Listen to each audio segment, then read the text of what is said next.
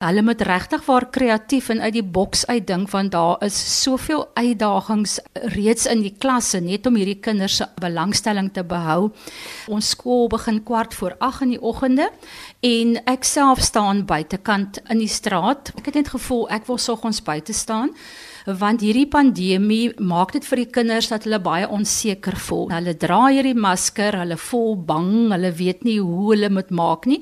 So ek en die sportorganiseerder staan dan buite en dit is in die oggende so lekker om te sien hoe daai gesiggies ophelder en hoe hulle begin ontspan. In die begin was hulle baie stil, maar nou nog daar's baie wat hulle dink as hulle masker dra, dit beteken dat ek mag ook nie praat nie of ek moet ook nie praat nie. Al sê jy môre en uh, good morning how was your day, dan waai hulle net vir jou. So die masker beperk hulle verskriklik. Veral aan die begin, dit het vir die juffrouens, die leerkragte en vir my was dit skrikwekkend om te sien hoe stil die leerders is.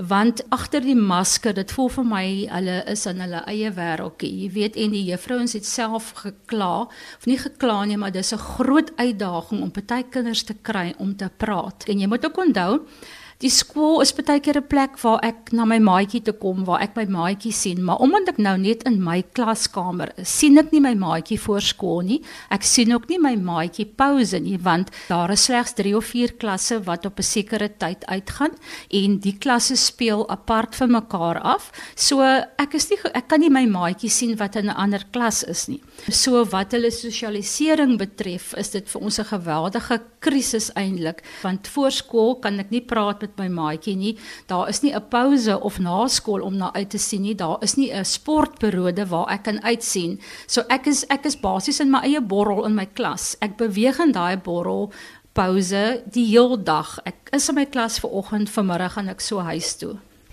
So interessant wat jy gesê het want daar's nou twee dinge wat vir my uitstaan is dat die masker half maak asof die kinders toesluit in 'n in hulle self en dan dat hulle op 'n vreemde manier of sal mens maar sê op 'n pandemie manier besig is om te vereensaam. Ja, ek stem regtig saam. Ek glo dit hang af in, in die omgewing waar jou skool is. Dit hang baie af van die ouers ook wat in staat is om miskien soos ons in Engels praat play dates te reël met die kinders na ure, maar in ons omgewing en in ons skool se omstandighede is dit definitief kinders is regtig besig om te vereensaam. En dis vir ons verskriklik moeilik want 'n mens kan nie hierdie kinders, jy kan hulle nie 'n drukkie gee nie. En veral in die klasse was die juffrou ons gewoond as 'n kind byvoorbeeld sukkel om 'n letter te maak, dan vat die juffrou ons die kind se hand en help die kind om 'n letter te vorm of gaan staan agter die kind.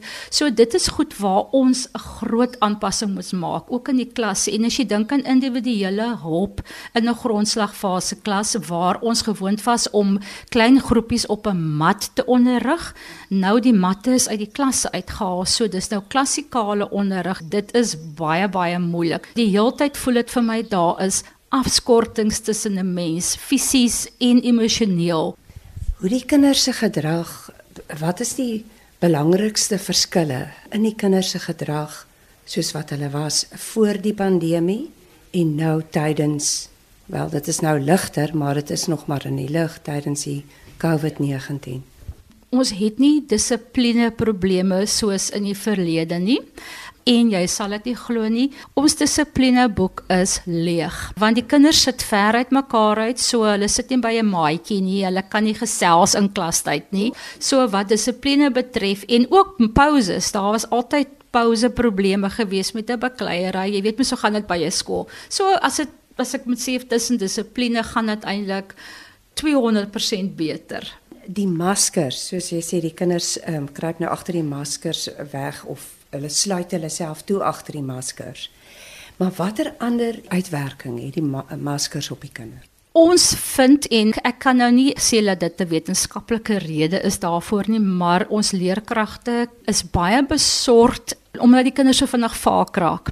So hier by 12:00 in 'n middag, dan is hierdie kinders vaak. As hulle wil iets aanleer, moet hulle dit voor 12:00 aanleer, want die kinders is moeg en hulle is vaak. Ek kan nie vir jou sê dit is die maskers nie. Ons skryf dit ook toe omdat die kinders lui geraak het want hulle kom elke tweede dag skool toe. En ons vind veral die kinders wat emosioneel nog bietjie huilerig is in graad R en graad 1, dit is vir hulle moeilik want jy pas vandag aan môre as jy weer by die huis. So oormôre huil jy weer as jy skool toe kom. Maar die kinders is definitief moeg en vaak en ek skryf dit toe, toe aan die maskers wat hulle heeldag moet dra want daar is nie omdat jy die kinders elke tweede dag kry. Kan jy nie nog in daardie dag ook die kinders elke halfuur uitvat net vir 'n bietjie vars lug nie. Maar die kinders is bitter moeg en vaak. Dit is nogal aan al die klasse van graad R tot by graad 3. En baie keer as ek klasbesoeke doen later later in die dag dan sien ek letterlik hoe plain gesê gevrek hulle is, moeg. so. Is nog 'n ding waaroor ek gewonder het, omdat almal se monde nou toe is agter die maskers en jy nog ook 'n fisieke afstand hou en hulle praat heeltyd van sosiale afstand. So asof ons moet nou allergies wees vir ons medemens. Maar hoe belangrik in hierdie tyd is oogkontak en oogkommunikasie?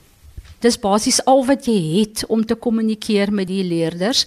Dit is basies al hoe jy kan sien of 'n kind na jou eh, luister en of 'n kind regtig waar hoor wat jy vir hom sê of as 'n kind reageer. So dit is baie moeilik vir ons want jy kan nie die gesigsuitdrukking sien nie. Dit is baie moeilik om te verstaan wat agter daai masker aangaan. Ek dink dit is nogal 'n groot uitdaging vir juffrouens wanneer hulle moet kommunikeer met hulle leerders. Ehm um, want jy kan ook nie, jy kan mos baie keer op 'n kind se gesig sommer sien, hy snap dit of hy snap dit nie. Nou het jy net die oë die ontwikkeling van die fynmotoriese vaardighede kon jy 'n invloed op dit sien daar was 'n merkbare verskil gewees veral met die graad 3 vrouens veral gekla want kyk die tempo in 'n graad 3 klas is baie ehm um, hulle werk baie. En die juffrouens het gekla dat die kinders elke dag kla dat hulle vingers seer is, hulle hande is seer, want jy moet baie skryf in 'n graad 3 klas en vir die jaar het hulle nou elke tweede dag skool toe gekom. Onthou daar's baie leerders wat van die huise af geleer het. So baie van daai leerders was die hele of um, die hele tyd van maart maand af by die huis. Hulle het net skool toe gekom vir assessering. Ehm um, so die leerders is moeg. Hulle hulle ehm um, fynmotoriese ontwikkeling het definitief agteruit gegaan ook die groot motoriese ontwikkeling as ons kyk na ons persoon wat deel van die lewensoriëntering aanbied in die saal. Selfs daar sê hy vir al die groot motories vind hy die kinders is baie agter en hy kan agterkom dat die kinders glad nie meer speel nie, al hoe meer sit in klasse.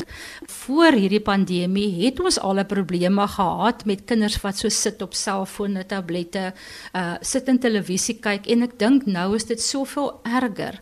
Groot motories, klein motories is daar duidelike agteruitgang wat 'n mens kan bespeer. Ehm um, en die kinders kan net nie meer van 8 uur. Goed, ons maak afwisseling, maar hulle kan nie van 8 tot 1 met skryftake besig gehou word nie. Hulle hulle hou net nie by nie.